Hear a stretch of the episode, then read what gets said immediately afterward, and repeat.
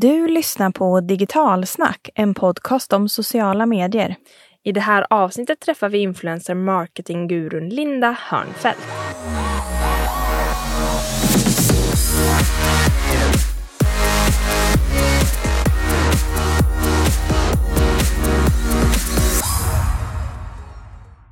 Välkommen till ännu ett avsnitt till Digitalsnackpodden. Podden ger nyttig information för att lyckas på sociala medier. Vi har fått hänga med Sveriges influencer marketing-guru för att ta reda på mer kring just vad företag bör tänka på inför eller om man har satsat eh, på influencer marketing. Vi har ju i tidigare inlägg pratat mycket om influencer marketing, men kanske mer vad det är och vilka typer av influencer marketing personer som finns. Och vi har också träffat Idol of Sweden som har berättat hur de jobbar med influencer marketing. Så det här blir liksom lite nästa steg, influencer marketing 2.0. Ja, och här går vi lite mer igenom vilka regler som gäller som man behöver förhålla sig till. Det finns ju lagar och skatteregler och annat sånt.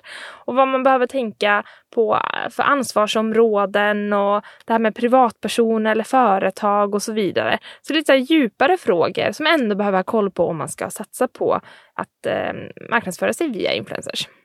Mm, och det här är ju en av de frågor som har kommit in till oss via Instagram. Så tack alla ni som skickar in tips på vad ni vill lyssna på och vilka ni vill höra i den här podden. Det är ju eh, fantastiskt. Det är ju för er vi gör den här podden. Och jag hade ju äran att få göra den här intervjun och Linda kunde verkligen svara på alla de här frågorna vi hade. Hon sitter ju till och med lite så här grupper med regeringen och liknande för att ge input för hur framtidens lag ska se ut. Och vi fick hänga också med henne en hel dag i Karlstad under sociala medier-dagen. Det var verkligen fantastiskt. Som sagt, du gjorde intervju med Linda och Linda är ju grundare och tidigare VD av Influencers of Sweden. Och hon är ju Sveriges mest ledande röster inom just influencer marketing. Hon är bloggveteran, då har hon bloggat sedan 2001. Mm. Det är otroligt länge. Och hon har även bakgrund inom webbdesign, digital kommunikation och PR. Men här i Digitalsnackpodden kommer hon guida er företagare vad ni ska tänka på när det kommer till influencer marketing.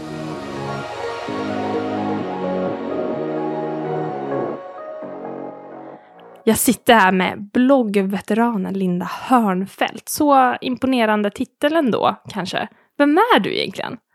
Eh, jag är tydligen en väldigt gammal person, eh, för att så ofta så är man det när man blir kallad veteran. Eller inom det här yrket kanske? Ja, jo, alltså jag har ju bloggat i år 18 år. Jag har alltså bloggat en myndig person i år.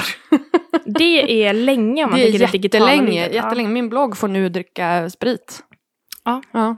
Så att det, är ganska, det är ganska länge. Ja, så att eh, det är bloggveteranen i alla fall. Men sen är du också grundare av Influencer of Sweden. Mm. Som också har med då bloggande på sätt och vis att göra. Vi, vi, vi kommer att se ett mönster här. Mm. När det gäller eh, liksom min, min, mina titlar. Ja men precis. Men vad, vad gör du? Hur kom det sig att du skapade Influencers of Sweden och vad, vad gör de? Influencers of Sweden är en ideell organisation som eh, är ja, men lite grann som facket för, för social media influencers. Alltså folk som jobbar med sina sociala medier och sina personliga varumärken. Och anledningen till att jag grundade det, alltså som sagt jag har ju bloggat så länge och så sen jobbade jag med eh, PR typ från 2007-2008. Och eh, började liksom hänga i, i bloggosfären för då flyttade jag flyttade till Stockholm i samma veva och, och började liksom umgås mycket med, med bloggare och, och hänga i den, i den branschen. Och eh, insåg ganska snabbt att det här är ju någonting som kommer att växa. Det här är ju någonting, det här kommer bli liksom en, en, någonting att räkna med när det kommer till digital marknadsföring. Och eh, sen någonstans, liksom, jag, jag, tyck, jag tyckte att jag var sent ute. Jag grundade då föregångaren till Influencers of Sweden som hette Better bloggers 2014. Och då tyckte jag att jag var skitsent ute. Men eh, det visade sig att det var jag ju inte. Anledningen till att ingen hade gjort det är att det finns inga pengar i föreningar. utan eh, och, utan liksom alla riktade in sig på företagen när det kom till att jobba med bloggare och influencers och sådär. Så riktade man in sig på företagen därför att det är företagen som betalar. Det var ju väldigt få influencers som hade några pengar, som hade någon inkomst. Men anledningen till att jag startade det, det var ju för att jag ville professionalisera branschen. För att det fanns liksom det fanns ingen plats där, där bloggare som det främst var då, för det här var ju liksom lite grann Instagrams linda och YouTube och sådär. Det fanns ingenstans där man kunde prata med varandra om sitt jobb.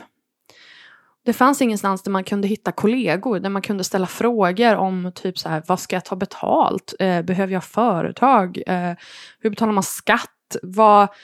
Men sen handlar det också otroligt mycket, vilket det också gör för väldigt många företagare generellt, men speciellt när du jobbar med dig själv som produkt, eller vad man ska säga. Det handlar ju om, om självkänsla, om självförtroende och känna att man är värd. Och våga ta betalt och våga stå upp för vad man gör och tycka att det man gör är viktigt. Så att mycket av det jobbet var ju också att liksom stärka upp de här personerna. Och utifrån det då, då bygga en bransch. Men sen också liksom utbilda både influencers då, men också företag i vad är det här för någonting? Vad är styrkan i det? Hur ska man göra det på rätt sätt? Alltså bara, bara städa upp lite grann, för det var väldigt... Um, alltså folk tycker fortfarande det är vilda västern. Då kan du tänka dig hur det var då. Ja, verkligen. Och vilket häftigt häftig grej att ha gjort och det behövs verkligen tror jag där för att det underlättar också för företagen där ute att Absolut. det finns mer professionella influencers Ja. ute att samarbeta med nu. Ja, och nu är det ju liksom, jag menar, nu är det ju en, ett, branschen har ju blivit otroligt mycket större. Vilket också gör att det finns mycket mer nivåer på liksom, de personer som rör sig i branschen, alltså när det gäller professionalitet.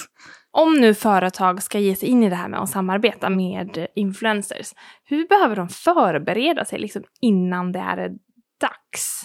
Så att man är redo och inte hamnar på massa så här Det låter som att det är liksom värsta så här, nu måste man typ deffa. Vilka och, tankar liksom? Och, nej men alltså, att, att jobba med influencers, det handlar ju om att för det första att man gör det för rätt, av rätt anledning. Så att man förstår vad som är liksom styrkan i den här kanalen. Och det är ju trovärdigheten och relationen som influencern har byggt upp med sina följare. Det är ju där hela styrkan ligger. Och ifall inte den trovärdigheten finns och inte det finns en relation där då, då har man liksom missat målet på något vis. Alltså, för väldigt många fokuserar på räckvidden. Och jag menar absolut, om du köper en annons i Expressen också, du kan liksom sikta jättebrett och betala en massa pengar och nå jättemånga ögon. Men hur många av dem är relevanta? Och hur hög trovärdighet har det? Alltså det är någonstans där man måste liksom börja. Och så sen tänka också så här, varför, vad är målet med det här? Är det konvertering? För jag menar, det är klart att man vill sälja, men vart någonstans går man in i det här? Vill man bygga varumärke, en specifik produkt som ska lanseras? Är det liksom konvertering och sådär? För det är också så här, var någonstans i köpresan kommer influencers in? För jag tror inte, det ska krävas ganska mycket för att en influencer ska kunna introducera ett varumärke och direkt konvertera.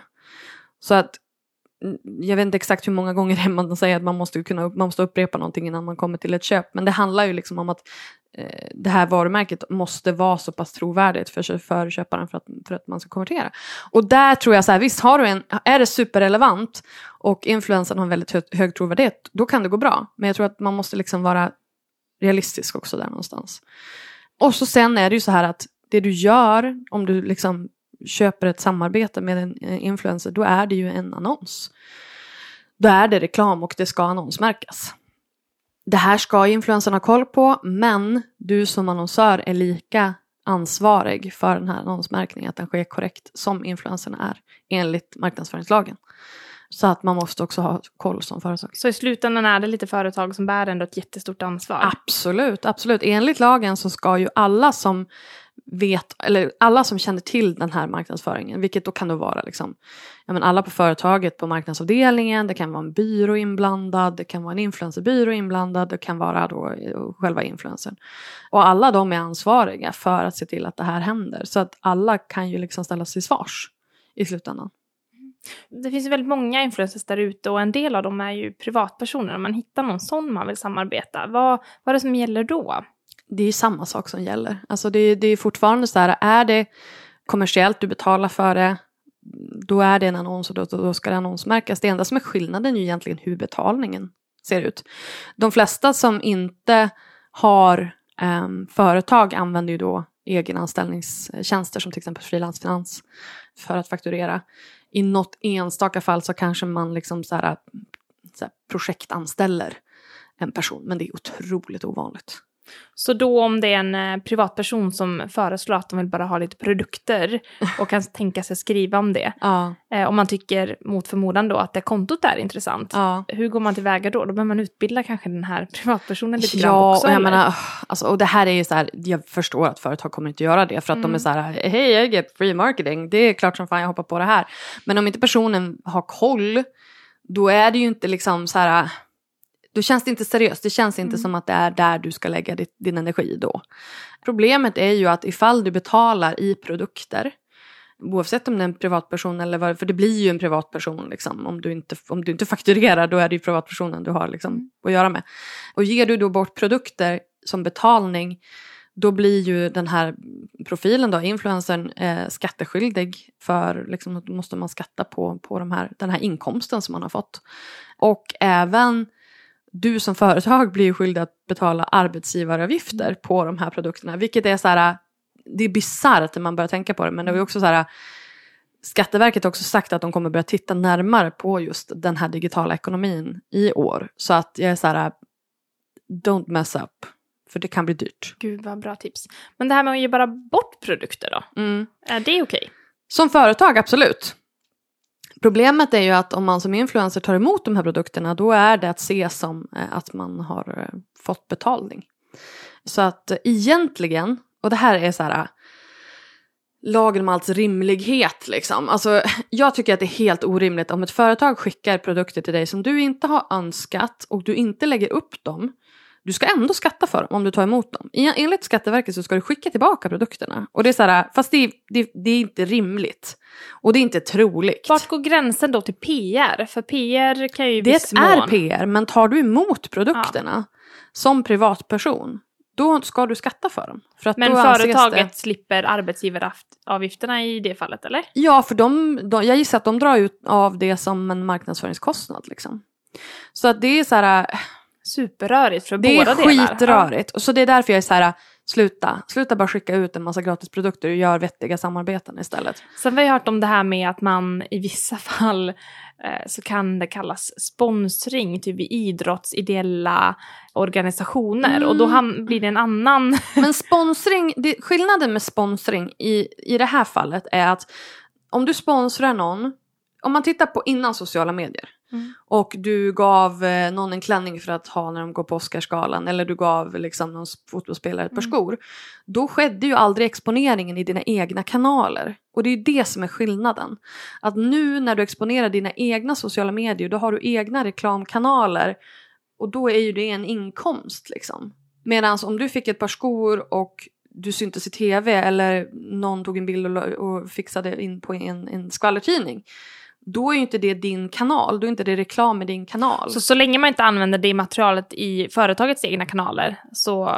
Ja, men det är en gråzon Alltså, låter det är en som. otrolig grå, gråzon och jag vågar liksom inte så här, jag är inte Skatteverket, jag Nej. kan inte uttala mig om, om liksom detaljer och jag tycker också att det är sjukt orimligt och det här är ju en diskussion som, Mm. som Influencers of Sweden har med Skatteverket att det, det, är liksom, det är inte rimligt att man ska behöva betala skatt på sånt som man inte har begärt och inte ens lägger upp.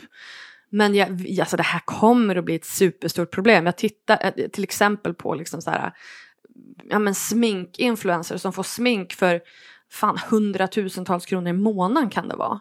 Och alltså ska de sitta och betala skatt på det? Eller hålla på och skicka tillbaka allting Nej, också. men alltså det kommer, det kommer Ja, bli så dåligt, det kommer bli jättedåligt. Jag förstår. Men det, här kommer det hända saker framöver säkert Här mycket. kommer det att hända saker framöver. Men sen tror jag att det finns också liksom en möjlighet att om man, om man har ett företag och så får man produkter hemskickas och, och så tar man in det i företaget som en intäkt. Då blir det liksom annat ljud i skällan. Mm. Men där, det, det här har jag bara precis börjat tafsa på hur man kan liksom göra det. Så där är jag inte tillräckligt påläst. Det Men, känns som en cliffhanger för en fram, ja, ett framtida. eh, faktiskt, faktiskt. Även i mitt, eh, i mitt liv. Men eh, vi har, om vi säger att vi har då ett företag och eh, man har hittat perfekta influencers som har en bra målgrupp och Mm. man får ett genuint samarbete och Mm. allt det här. Man Yay. följer alla lagar och regler Mm. från företagets sida. Mm. Men så kanske det sker något misstag. Hur följer man upp?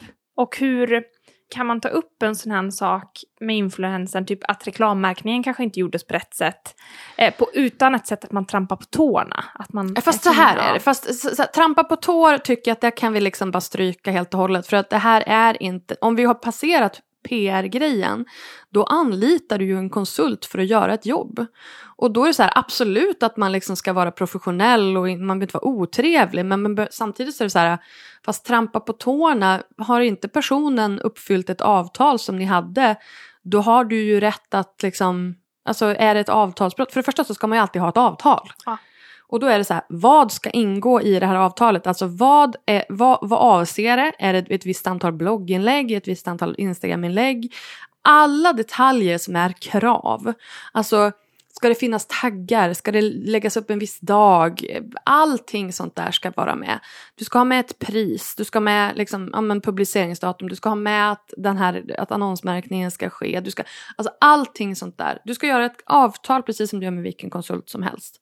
Och om inte det då den här konsulten, innehållskonsulten, det känns mycket enklare att tänka på det sättet kanske Ja, för företagare också. Ja, det tror jag också. Jag tror att många är så här bara oj oj oj men hur ska vi hantera det här? Och, och, och jag menar om inte influencern fattar eller liksom, om inte den personen är tillräckligt liksom, insatt och vet hur man gör då kanske inte det är rätt person att jobba med. För det är också liksom ett sätt att främja en professionell bransch. Alltså, som influencer så behöver man kunna vissa saker och man behöver kunna bete sig på ett professionellt sätt och sälja en professionell tjänst och följa upp därefter.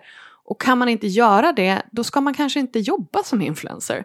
Det är väl lite där, alltså jag, alltså jag är liksom, jag är på, absolut på influencernas sida i liksom nio fall av tio. Men jag ställer ju också krav på dem. Mm. Jag är inte liksom den som håller på och daltar utan jag, jag är så här, ja fast du har skyldigheter, du har absolut rättigheter. Men du har också skyldigheter. Bara för att du råkar ha 25, 50, 500 000 följare på, på Instagram betyder inte det att du, att du är untouchable och får bete dig hur, hur som Mm. helst. Utan det betyder att du kan ta mer betalt. Mm. Men det betyder inte att du får vara en, en skitstövel för det liksom, och inte leverera. Ah, För det- som vilket företag som helst, då tappar Exakt. man sina kunder till slut. Exakt så. Exakt Ja, så. Verkligen. Och om man då eh, inte känner att man riktigt har eh, koll på det och vill fördjupa sig i hur företag bör tänka, just det här med att man gör det på ett, ett någorlunda lagligt sätt och vart kan man leta mer information? Alltså vilka lagar man behöver, har Skatteverket bra information kring sån här? Eh, eller vart ska alltså, man leta? Marknadsföringslagen är det ju du behöver följa liksom. Och då kan du antingen läsa lagen. Vi har en hel del information på Influencers of Sweden också. Mm, så Eh, man- så man går in, kan gå in och läsa där. Man kan läsa min blogg på lalinda.se där jag också har skrivit lite grann om det här. Och sen har Skatteverket också information. Men jag tror att det, det som man som företag behöver ha bäst koll på det är ju marknadsföringslagen. Och sen att man bara fakturerar som vanligt. Sen får ju liksom influencern hålla ordning på sin egen ekonomi. Precis. Och nu, fantastiskt liksom bild, jag tycker du har förklarat den ganska mycket, även om den gråzon, men liksom Mm. ungefär vilka lagar man ska ha koll på, vad man Vi är ju mitt på. i det. Alltså Ja, vi, vi är ju mitt i en växande bransch och, och där det inte liksom har funnits några tydliga riktlinjer. Och, och, som, och som sagt, jag menar Influencers of Sweden är ju liksom egentligen den enda organisation som har liksom varit på influencers sida och försökt att liksom nysta upp det här från det hållet.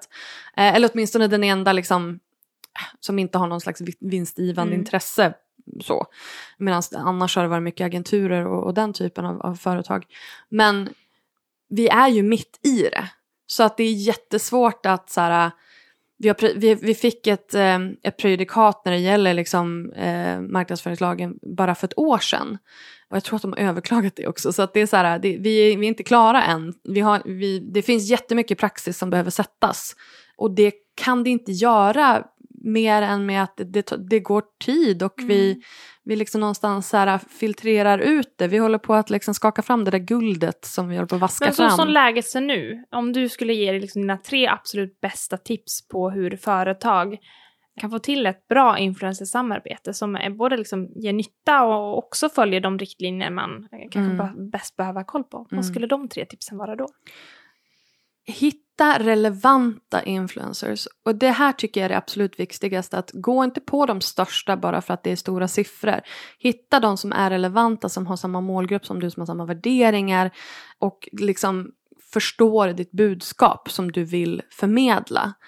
Gå inte på dem som ber dig om gratisprodukter. Hitta en som är professionell och kan faktiskt liksom leverera som en professionell person. Liksom. Och inte bara så här, ja, men kan jag få bo gratis hos er eller kan jag få lite gratisprylar? För det kan också göra att varumärket blir lite urvattnat. Liksom. Det finns ju ganska många som är visserligen har tjänat skitmycket pengar idag eh, och liksom till exempel typ klockor eller så mobilfodral. Typ.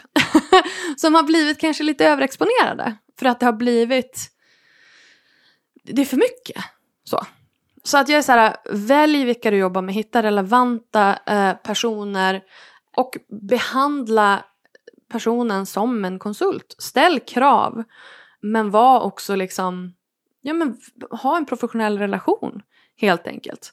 Så att ni båda, båda ställer krav och levererar därefter. Och betala också därefter. Så att eh, tro inte att det här är liksom någon det, det är inget gratisjobb de gör. De levererar ju innehåll som en hel byrå. Om de är en bra, en bra yrkesperson. Och då ska man ju också ha respekt för det. Var det tre? Det känns som att det blev sammanfattningsdel. Så det första känner jag, det är ju att man skulle hitta en relevant influencer att jobba med. Ja. Det andra handlar lite mer om att vara en bättre beställare ja, egentligen och se exakt. det som en konsultverksamhet. Och exakt. det tredje, att också våga betala för att du får vad du betalar för helt enkelt. Ja men lite, lite grann. och våga testa lite grann också. Mm. Så här, eh, om du gör ett bra researchjobb och, eh, och sådär så, så och man behöver liksom inte gå ut och, och slänga ut flera miljoner på, på en gång utan bara testa det fram lite grann och, och sen också så här om du inte vet vilka du ska jobba med, om du inte har koll, ta hjälp ta hjälp av en byrå eller en, en eh, förmedlingstjänst eller vad det nu är för någonting som har koll på hur man jobbar med influencers. Så, så kan man liksom börja där och så sen jobba vidare själv. Fantastiskt bra tips. Så stort tack för att du ville vara med i vår podd och dela med av din stora liksom, influencerkunskap. Tack för att jag fick vara med.